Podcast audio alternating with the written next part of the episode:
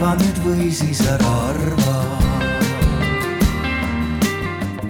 aitäh, Taimi ja tervitused siis ka meie poolt. mina olen Triin Sooäär, Lastekaitse Liidu lapseõiguste saadikute koordinaator ja veel gümnaasiumiõpilane, varsti saab see limiit ka täis. aga minuga arutlevad siin täna väga ägedad panelistid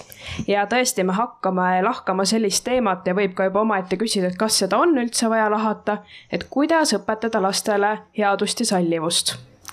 aga ma arvan, et lasemegi meie panelistidel kõigepealt ennast tutvustada. ole hea, Mari, kes sa oled, kust sa tuled, selline klassikaline mikrofoni küsimus. No kes ma olen, ma arvan, et ma olen inimene, ma olen õde, ma olen tütar, õpilane, mõnele hea sõbranna.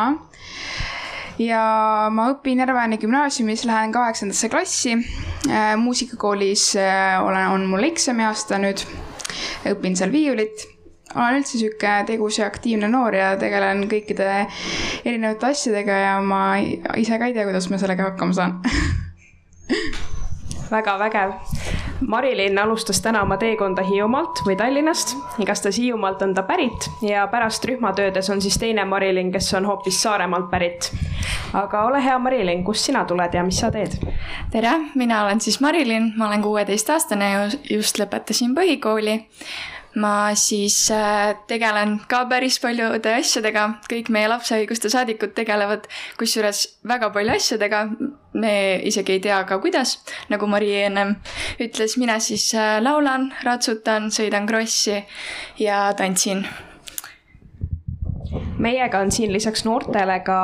Barbi, kes peagi alustab Paide Hämmerpäki põhikooli direktorina ja ühtlasi on olnud ka pikaajaline eripedagoog. tere, mina olen Barbi olen viisteist aastat töötanud eripedagoogina nii lasteaias kui koolis. Äh, olen kahe poja ema ja ma arvan, et mind võib nimetada praktikuks. ideaalne kooslus ja Sigrid, sina peagi alustad esimese klassiga kooliteed ja ühtlasi oled ka siis Sõberkaru programmi Kiusamisest vabaks koolitaja tere ja siia ma just sellepärast tulingi, et olen Lastekaitse Liiduga siis seotud äh, läbi väärtuskasvatust edendava programmi Kiusamisest vabaks ja laagrikoolis ma olen olnud klassiõpetaja, vahepeal olin lapsehoolduspuhkusel ja nüüd äh, kohe-kohe alustan jälle esimese klassiga uue hooga, nii et äh,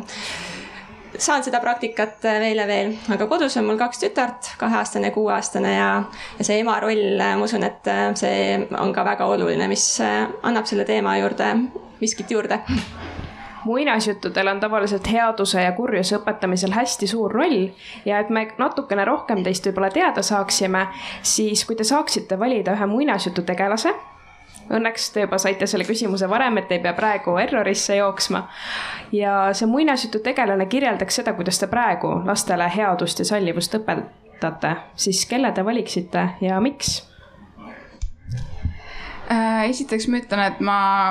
alguses olin küll nagu väga erroris, mõtlesin, et kas ma üldse kunagi olen muinasjutte lugenud ja vaadanud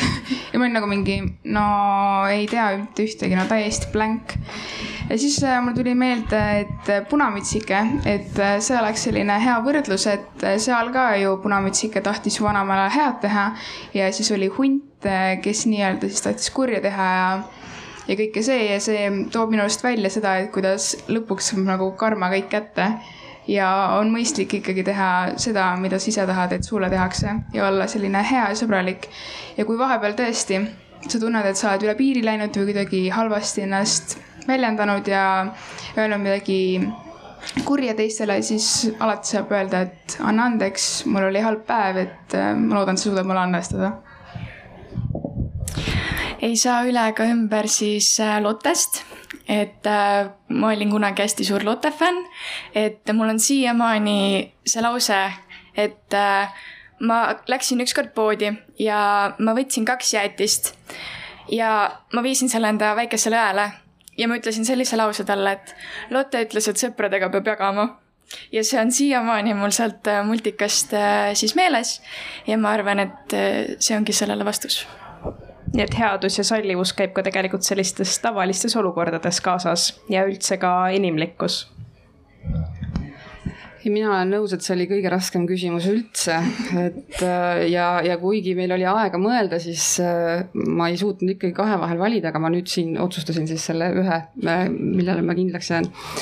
Ma arvan, et äh, oma kogemuse põhjal ja oma, minu roll äh, headuse ja sallivuse õpetamisel võiks tuua paralleeli nukitsamehest pereemaga.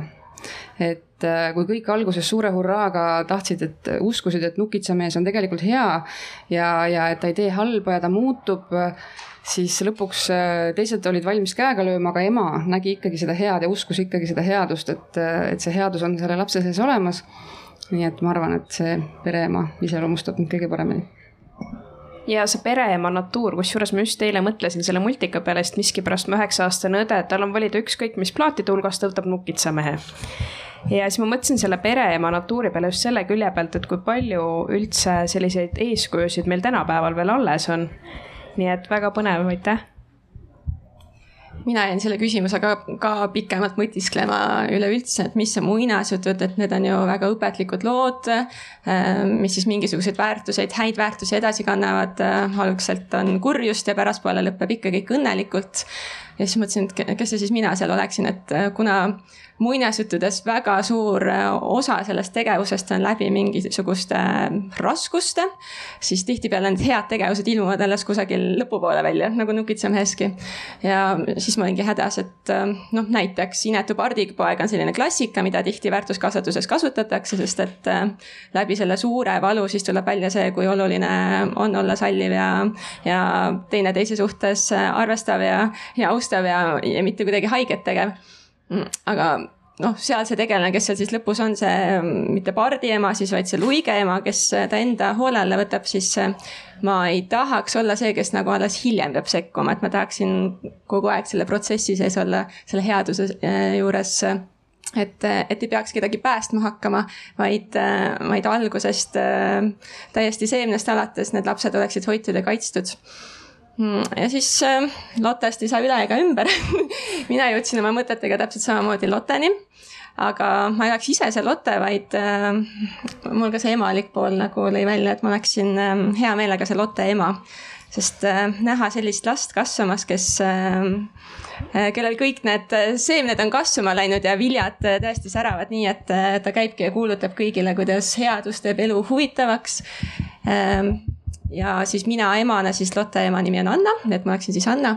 Äh, et ma saaksin lihtsalt olla hooliv, toetav, alati olemas oma lapse jaoks, teiste laste jaoks loodetavasti ka. Ja pakkuda lastele lihtsalt äh, seda tunnet, äh, et ma armastan neid alati täiesti tingimusteta, et mis iganes olukord on, mina olen nende kõrval olemas, kui on vaja nii ilus mõte siia keskpäeva ja kui paljud üldse meie kuulajatest olid nii mõnegi muinasjutuga tuttavad, võib käe julgelt üles tõsta. tundub, et kõik on kunagi lapsed olnud ja keegi veel on ka. aga esmalt, kui me üldse hakkame mõtlema headusele ja sallivusele, siis tegelikult, mida see üldse teie jaoks tähendab? et selleks, et midagi kellelegi õpetada või selgeks teha või loomulikuks teha, on ju vaja ise ka teada. et kuidas teie olete enda jaoks selle lahti mõtestanud? No mina arvan seda, et äh, headuse sallivus on ikkagi ilma tagamõtteta, et ma ei ole nüüd sinu vastu hea sellepärast, et sa annaksid mulle näiteks kommi, on ju. et sa lihtsalt oled siiralt südamest selle inimese vastu hea ja sallivusega nii palju, et äh, oletame, et ma kõnnin tänaval või ükskõik, keegi kõnnib tänaval ja ta näeb mingit inimest, kes talle võib-olla väga ei sümpatiseeri, on ju äh,. ja siis äh, ta näiteks ütleb talle, et no, et sa ikka üldse ei meeldi mulle, et sa oled nii kole, siis tegelikult see on tema probleem, et see inimene talle ei meeldinud, mitte selle inimese probleem, kes selline oli, sest me kõik oleme erinevad ja meil kõigil on õigus olla täpselt selline, nagu me oleme. ja me peaksime kõike aktsepteerima sellisena, nagu nad on suht sarnast juttu soovisin ma küll ka rääkida, aga, aga jah, pigem headus ongi, see tuleb sinu iseloomust. et äh, et sa ei saagi seda nagu, see lihtsalt on sinu ümber. Minu jaoks, äh, ma alustan sallivusest, sallivus on äh, minu arvates oskus aktsepteerida äh, neid asju, olukordi, inimesi, mis on erinevad sinu enda väärtustest. et meil igalühel on oma tõde, meil igalühel on oma väärtused ja ei saa peale suruda oma tõde ja oma väärtusi ja sallivus ongi see, kui sa suudad aktsepteerida ja mõista ja näha olukordi teise inimese vaatevinklist ja headus minu jaoks samamoodi võrdsu-, võrdsustub sõnaga siirus ehk et headus on see, kui ma teen midagi päriselt siiralt ja südamest ma olen nii rõõmus, et need kaks sõna on käsikäes, mitte niimoodi eraldiseisvana, just sallivuse puhul seda eriti, aga headus siis kõigepealt, see on midagi nii suurt ja ülevat. ma võtaks kokku sõnadega, et see on, headus on armastuse jagamine ja seda siis äh, läbi erinevate väärtuste, läbi hoolimise, läbi teineteise austamise, läbi abistamise, läbi tavalise viisakuse, läbi tänulikkuse, mis on nii palju erinevaid nüansse, seesama sallivus on tegelikult ka headuse üks äh, alanüanssidest, üks alaväärtustest. ja sallivus ise, noh, tolerantsus, selline üldine sünonüüm, aga mm, jällegi see teineteisega arvestamine lugupidamine teiste inimeste suhtes, kui teised on erinevad, siis selle aktsepteerimine. Ja kui mõelda sallivuse peale niimoodi üleüldiselt, siis mulle tundub, et äh, vahepeal see jääb nagu mõistena nagu väga staatiliseks või nagu, tal ei tule seda head omadust välja, sest et kui võtta sallivust ja headust eraldiseisvana, kui ei mõelda sallivuse, ei mõelda sallivuse peale ähm, nii, et selles peab ka mingisugune headus olema, siis sallivus võib jääda lihtsalt staatiliseks äh, ükskõiksuseks. et äh, jah, ma arvestan teiste inimestega ja nad võivad olla erinevad minust, aga see, et kui sa paned sinna juurde ka headuse nüansi, siis äh, läbi selle on võimalik ka häid tegusid korda saata ja palju ilusamaks maailma muuta. et me lihtsalt ei ole ükskõiksed sallivad, vaid äh, läbi headuse me tõesti südamest arvestame teineteisega, nii et äh, kõigil oleks hea olla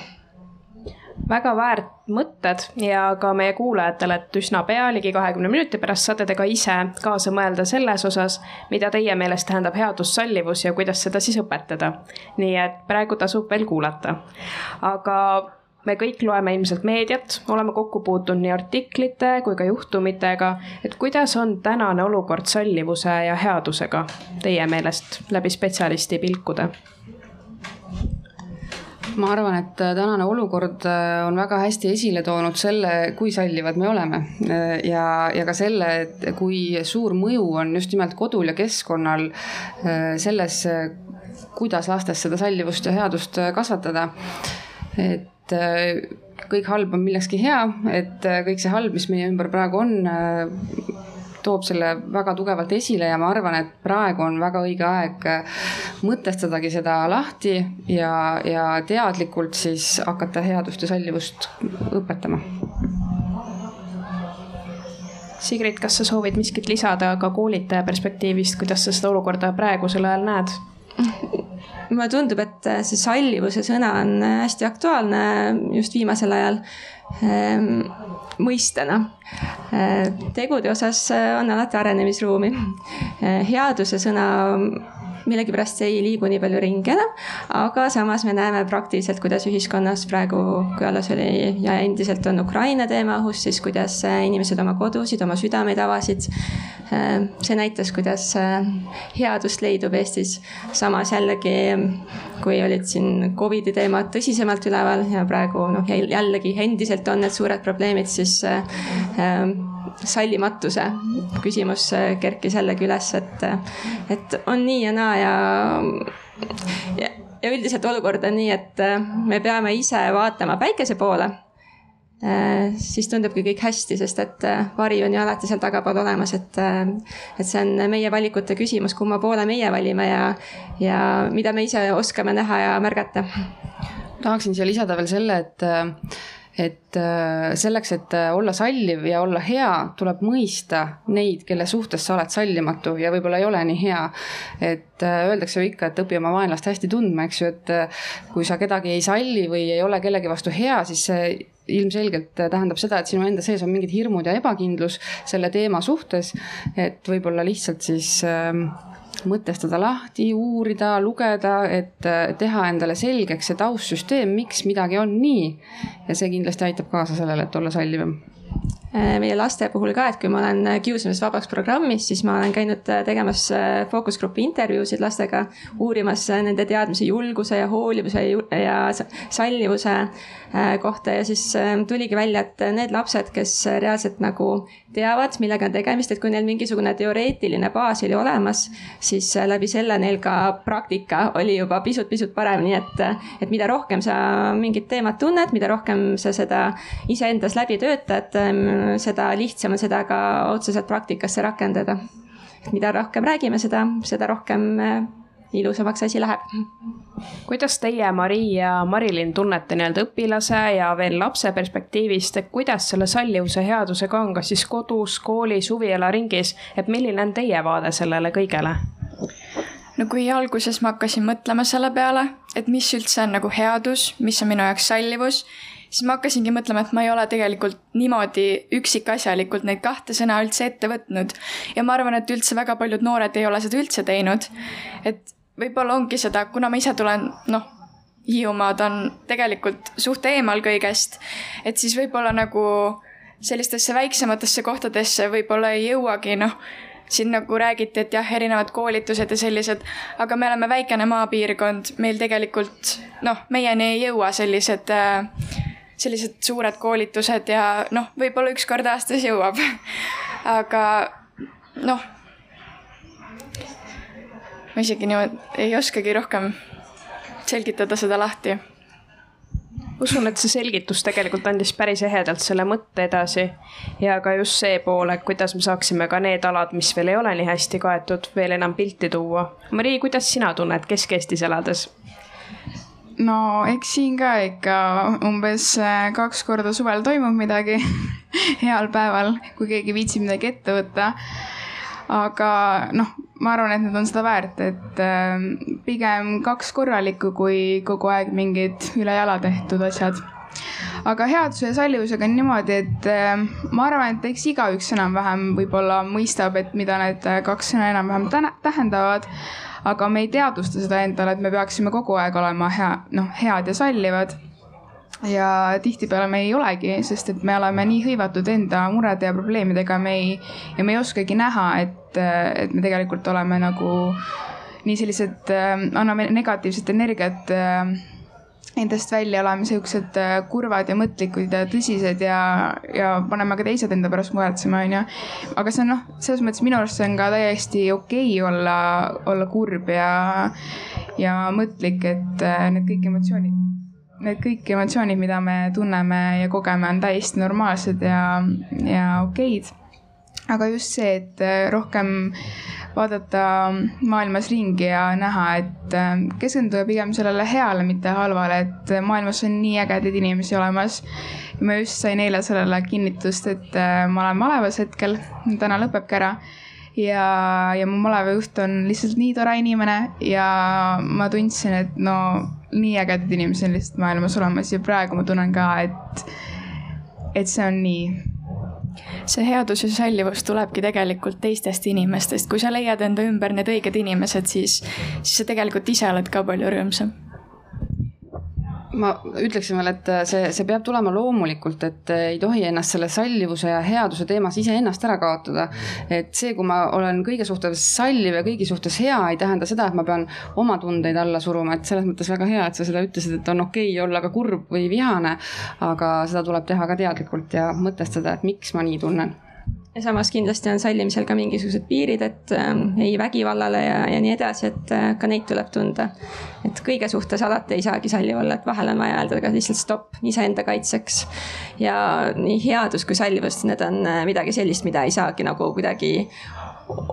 enda sees hoida ja, ja omaette rakendada ja harrastada, sest et äh, seda on vaja välja elada. Äh, sellepärast me praegu ka räägime sellest küsin sellise võib-olla natuke näpuga näitava küsimuse, aga küsimuse mõte on selles, et kes peaks sellega tegelema, et lastele õpetada sallivust ja headust ja kas me peame seda üldse õpetama või ta peaks tulema loomulikul teel? Mina arvan, et me peame seda kindlasti õpetama ja seda peavad tegema kõik täiskasvanud laste ümber. minu arvates laps on nagu käsn, mis imab endasse kõike ja kui laps tuleb siia maailma, siis ta on siiras, puhas ja hea. ja kõik see keskkond ja inimesed tema ümber hakkavad teda mõjutama ja just nimelt sellepärast me peamegi õpetama sallivust ja headust, olles ise eeskujuks ja tehes seda teadlikult ja jätkuvalt peab paika ka see teooria, et ei ole olemas halba last, vaid tuleb vaadata, mis seal taga tegelikult ju on. mina olen sellega sada protsenti nõus, jah jah, et kõik lapsed on head, kõik täiskasvanud on head, aga käitumine võib vahel olla lihtsalt natukene sellest äh, normist või oodatust teistsugusem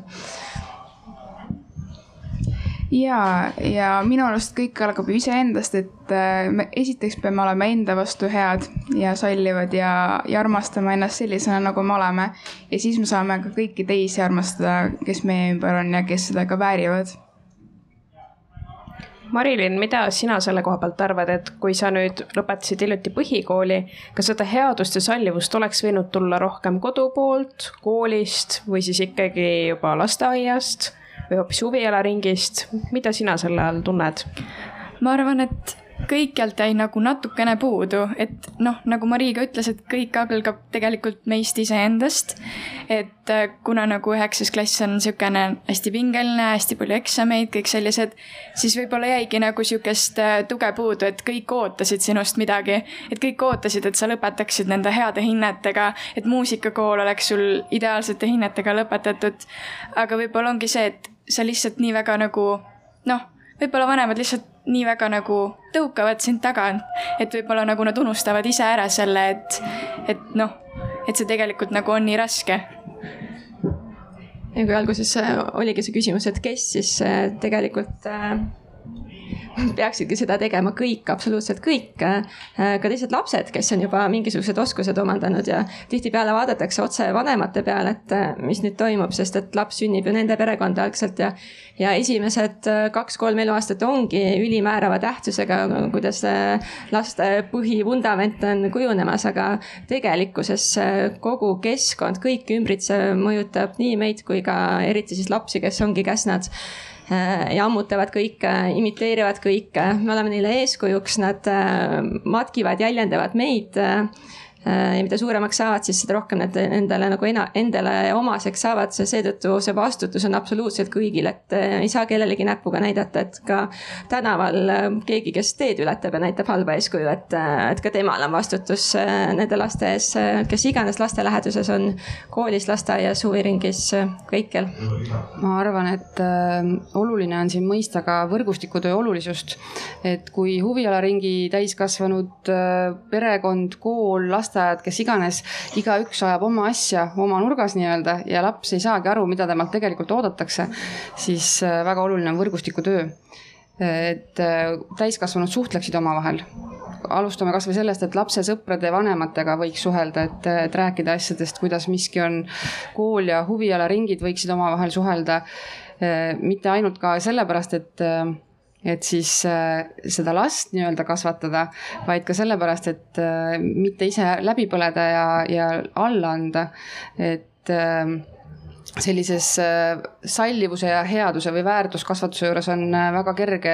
tulema see moment, kus sa lööd käega, sa näed, et sa ei usu enam sellesse, et ah, siit ei tule enam midagi. siis on väga oluline, et su kõrval oleks inimene, kes ütleb, et ei, me proovime veel, me proovime nii ja me räägime seda ja me teeme seda, et siis see annab jälle uut jõudu asjaga edasi minna ja kui me räägime ka sellest, et meie riik soovib pürgida heaoluühiskonna poole, siis see headus ja salvus peakski käima käsikäes ja olema nii-öelda juba ka programmidesse sisse ehitatud. aga kuidas näiteks täna on ka koolides pakutavate programmidega, et kas see on juba sinna sisse põimitud või tunnete, et miski on veel puudu? Äh, tegelikult programme on päris palju erinevaid, seesama Lastekaitse Liidu kiusamisest vabaks, äh, Kiva on eraldi olemas, äh, Vaikuseminutid näiteks on väga head sotsiaalsete oskuste ja enesedistsipliini ja enesega tegelemise osas tore näiteks, et neid näiteid on äh, palju. ehk siis tööriistakaste, võta üks, võta teine, on meeletult mida ma ise olen näinud, küsimus on ikkagi lõppkokkuvõttes inimeses endas, et noh, kooli kontekstis sellest õpetajast siis, kes seal klassi ees on. et kas ta võtab selle tööriistakasti kasutusse või ei võta, et see on tema otsustada, et, et see programm võib koolis olemas olla. koolid, enamik koole on millegagi liitunud ja mõned on lausa mitme asjaga korraga liitunud, aga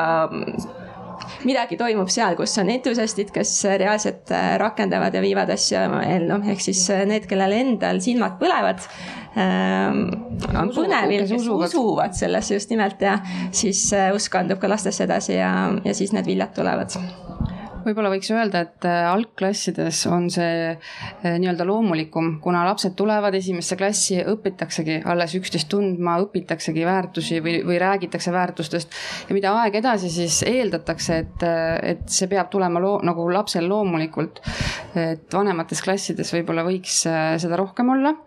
ja, ja ma olen nõus, et, et kui, kui kool on liitunud erineva, erinevate programmidega, siis see asi ei tööta, kui inimene klassi ees, see täiskasvanu, kes vastutab tegelikult kogu selle õppeprotsessi suhtlusolukorra eest, kui ta ei tee seda südamest ja, ja uskudes sellesse kuidas teie praegustes koolides on lood erinevate võib-olla toetavate programmide või sündmustega? Maria, Marilyn? mu koolis võib-olla on heal juhul küsitlused ja meil on ka need plakatid seal seina peal. aga ma olen väga nõus sellega, et võikski hakata nagu algklassis tulla siis inimene ja rääkida sinuga. et meie klassis oli hästi seda näha, et kui meil tuligi nii-öelda see koolitaja, et ta võis seal kekselda, kekselda seal tahvli ees, aga lihtsalt noh juba iseloom on mõnel välja kujunenud, sihukesed kahe sarvega vastu ja noh ei pruugigi sellest kekslemisest seal abi olla. ja siis, et võib-olla kui algklassides seda alustada, et siis oleks nagu kergem üks väga tore programm Veel parem tuli mulle veel meelde, VEPA, olete kuulnud vast äh, sellest ka. Äh, mina õpetajana armastan rakendada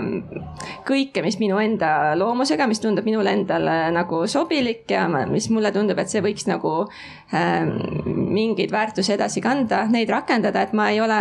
kunagi püsinud mingites kindlates raamides, et nüüd on see üks programm, mida mina teen, vaid ma olen püüdnud laia silmaringiga ringi vaadata, et, et mis võiks olla selle klassi, selle dünaamika puhul see, mis võiks toimida. sest et äh, lapsed on erinevad ja, ja mis toimib ühe puhul, ei pruugi teise puhul toimida ja, ja noh, inimeste puhul ka, et mõni inimene suudab millegi tööle panna ja teine jällegi seda ei suuda. ehk siis tuleb kompida ja otsida enda jaoks need sobivad tööriistad äh, erinevatest programmidest välja ja läbi selle äh, saab luua midagi uut ja ilusat ise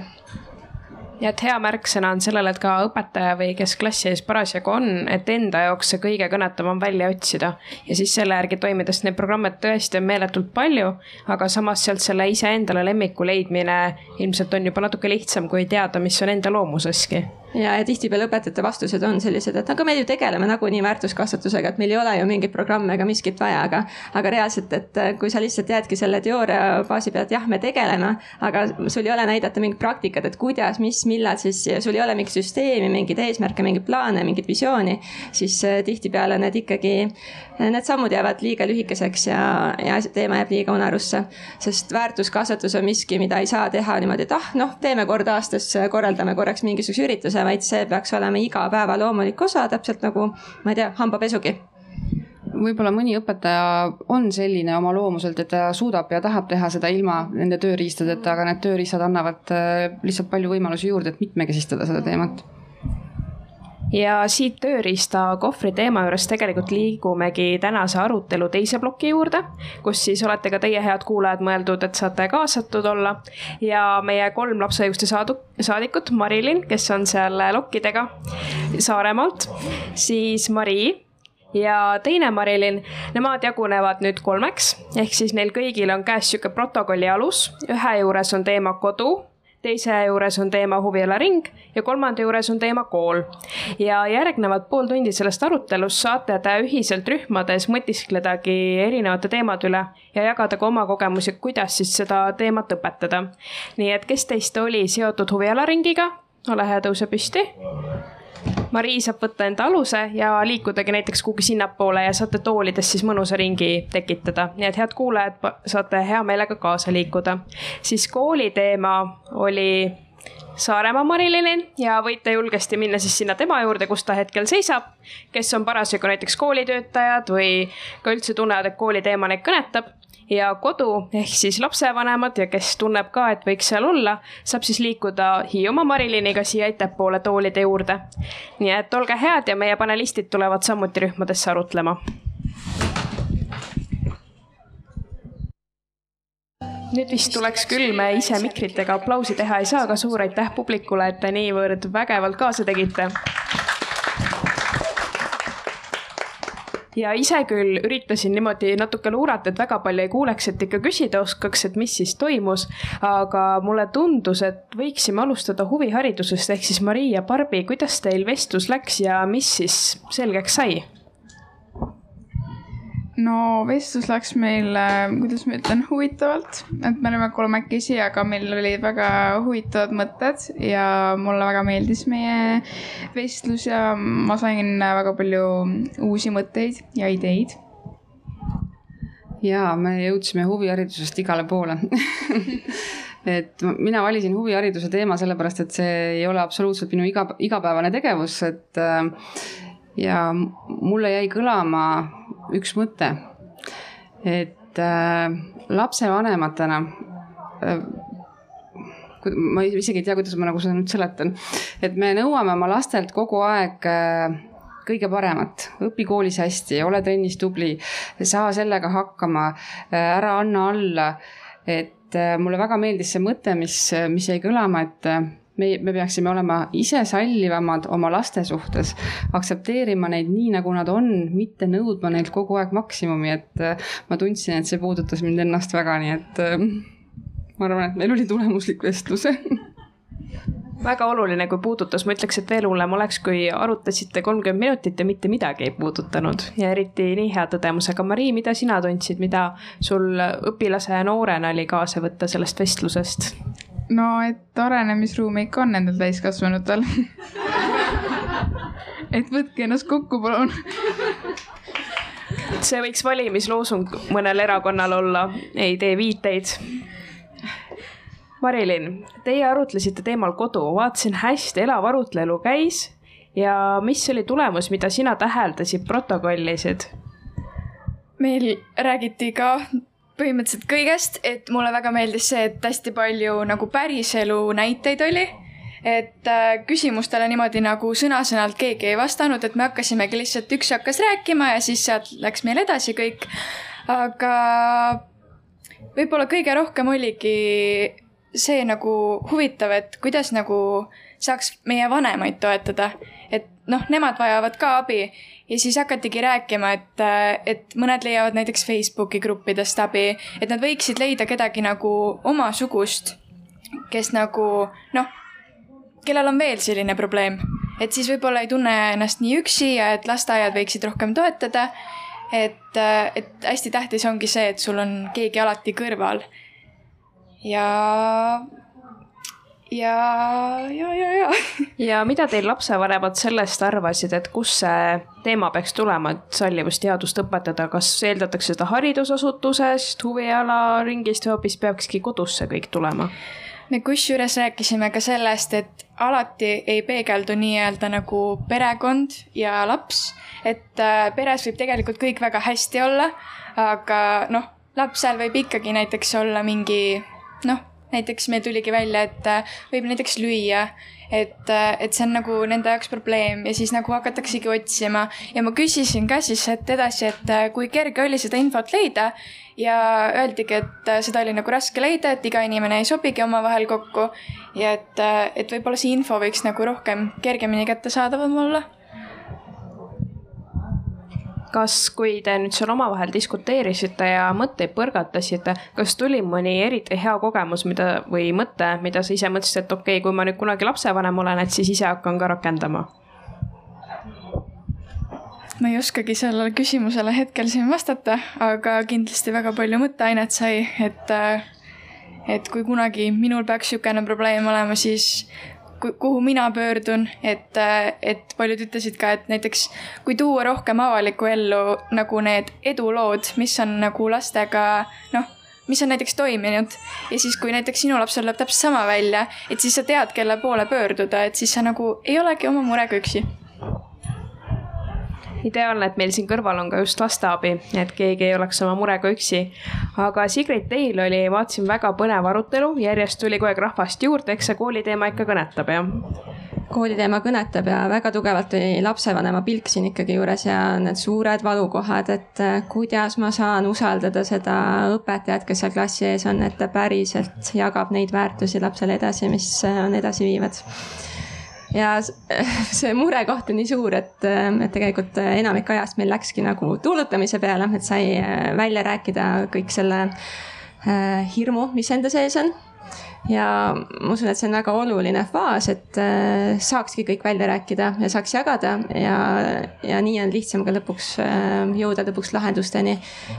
mis alguses võib-olla kõike ei muuda, aga vähemalt sammhaaval edasi liikuda, sest Ehm, teadagi on igasuguseid murekohtasid äh, koolis, et äh, õpetajal on koormus suur. Äh, tal on väga vastutav roll, klassid on suured, õpilaste arvud on suured. kaasav haridus läbi selle võib olla väga keerukaid õpilasi klassis ja õpetaja tihtipeale on siiski üksinda selle ees, et kui ei ole tugispetsialistid mingil põhjusel, et ei ole suudetud neid kaasata Ehm, siis äh, eks tuleb olla ka empaatiline õpetaja enda suhtes, äh, aga samas äh, me ju tahame, et lapsed oleksid parimates kätes, seega me peame mingisuguseid lahendusi leidma ja ja me peame seda õpetajat kuidagi toetama, et, et tal oleks ressurssi, võimalusi headust välja elada, välja kuidas jagada. neid toetada saaks, üldse tekkis siit kohe selline küsimus, et kas on mingid abc asjad, mida peaks iga koolijuht teadma, iga pedagoog et kuidas siis saaks aidata? no selleks, et äh, nii lastel kui ka õpetajatel oleks hea olla, siis tegelikult äh, selline turvaline, hea keskkond on see, mis nagu loob kõigeks aluse. Äh, seda me tahame ju lastele pakkuda, aga samas seda siis tuleks väga tugevalt ka õpetajale pakkuda. ehk siin korduvalt tuli välja, et kõik algab ikkagi juhtkonnast. et kuidas kooli enda struktuur, keskkond, tugispetsialist, juhtkond, kuidas nemad suudavad õpetajat toetada nii, et ta tunneb, et ta ei ole üksinda mõelda, et äh, tal on alati keegi kõrval olemas ka ja, ja kui reaalselt ongi olukord, kus äh, kümme asja on vaja korraga teha ja mingisugused suured probleemid on õhus ja, ja, ja ei saa üksinda tehtud, siis äh, et oleks inimene, psühholoog või sotsiaalpedagoog, keda saaks vajadusel siis ruttu appi hõigata, et, et ma nüüd praegu nii ei saa edasi minna. ma väga kibelen siin vahele ütlema et kui me tuleme sallivuse teema juurde tagasi, siis koolis kõige selle jutu toetuseks äh, ma tahaksin öelda, et õpetaja peaks olema sallivam iseenda suhtes, mitte piitsutama ennast nii väga, äh, vaid äh, lubama endale tunnistada, et ta vajab abi, vajab tugispetsialisti abi. õpetaja ei pea kõigega ise hakkama saama, et see on hästi okei okay küsida abi ja tunnistada, et ma selles olukorras nüüd täna ei oska enam. ja, ja noh, sallivuse võtmes see ongi see, et ma luban endal olla see, kes ma olen jah, samal hetkel, kui me räägime sellest, et kuidas õpetada lastele sallivust ja headust, võiks tegelikult laiendada teda ka laiemalt nii täiskasvanute õpetajatega üldse inimeste mõttes, et me ei töötaks ennast nii-öelda halliks ja siis pärast ei käiks aeg doktorite vahelt, et mis nüüd sai ja miks. Et sealt punktist võib-olla liikuda, aga tekkis ka küsimus selle kooli arutelu koha pealt, et need probleemid või mõtted või ka positiivsed märkused, mis esile kerkisid, et oli neis midagi sellist, kus sa ise ka nii-öelda õpetajana, kes just jälle taaskord alustab koolis, tundsid, et nüüd on midagi sellest kaasa võtta või ise edasi mõelda? Ehm, no mulle läkski hinge just see lapsevanemate ehm, hirm, ehm, et kuidas nagu nendel seda hirmu ka maha võtta et nende lapsed on turvaliselt hoitud ja tegelikult me peame uskuma, et kõik õpetajad, kes koolis on, et nad tahavad lastele parimat, et mingil põhjusel nad siiski on seal klassi ees ja, ja me ei saa, ma ei saa eeldada neist midagi nagu kehvemat. ja siis me saamegi lihtsalt mõelda, kuidas oma mingit toet sinna juurde panna. aga me arutlesime natukene siis, äh, mida õpetaja ise siis saaks teha, et äh, kõigepealt vast peabki lihtsalt nagu sügavalt äh, välja hingama, sisse hingama ja mõtlema, et kõik ongi hästi. ja siis sammhaaval vaatama, et mismoodi selle sotsiaalse keskkonna sinna klassiruumi tekitada nii, et see oleks õppimist soodustav ja et kõik lapsed, kes seal on, et nad tunneksid teaksidki, et see on hea keskkond ja nad on teineteisele head kaaslased. et nagu me rääkisime siin enne programmidest erinevatest, et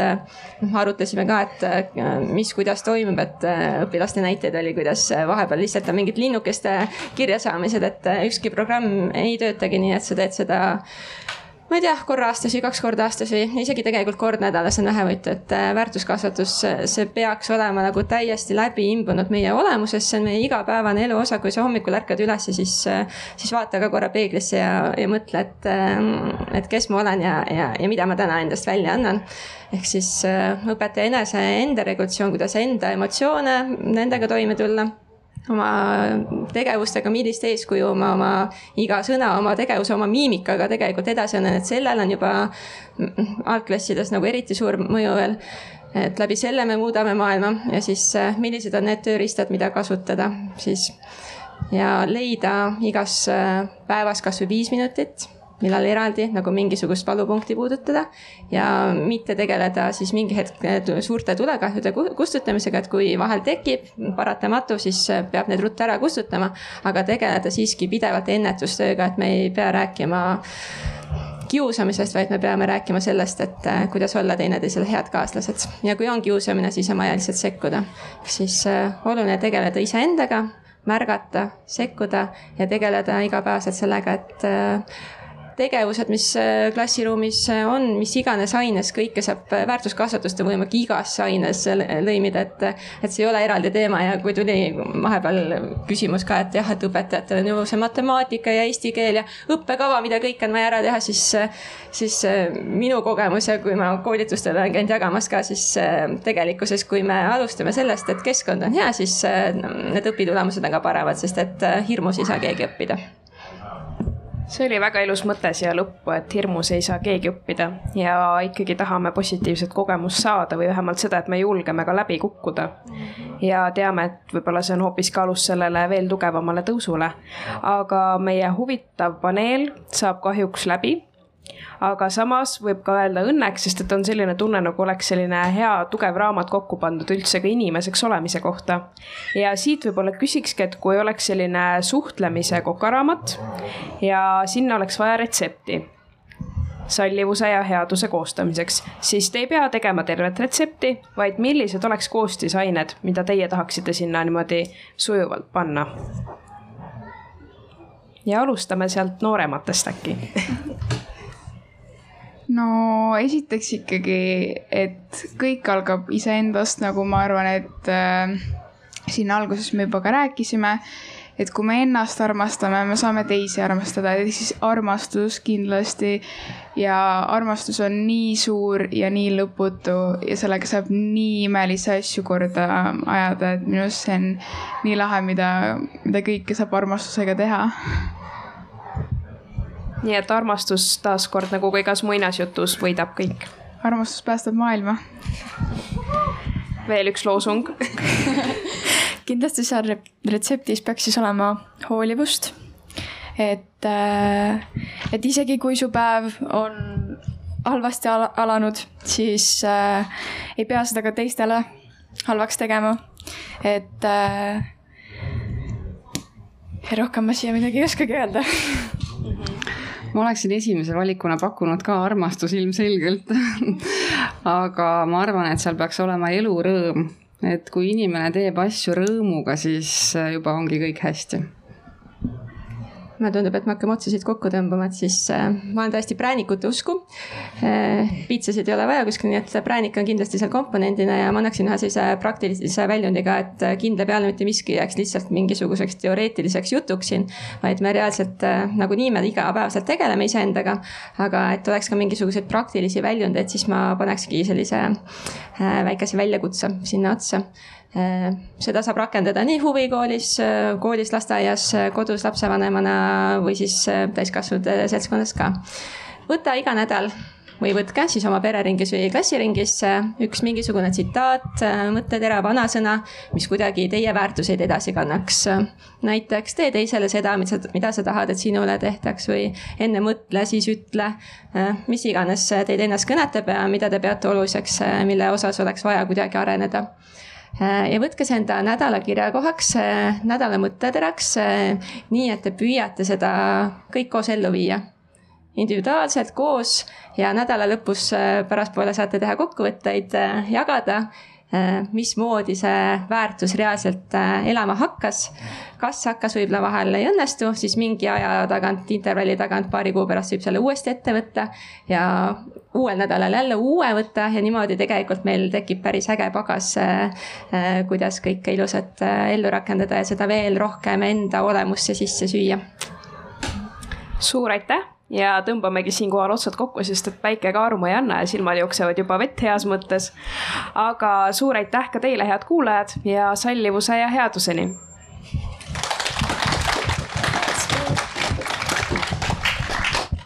ja aitäh, ma loodan, et nüüd on kõigil rohkem teadmist, kuidas siis lastele sallivust ja headust õpetada. täname Lastekaitse Liidu paneliste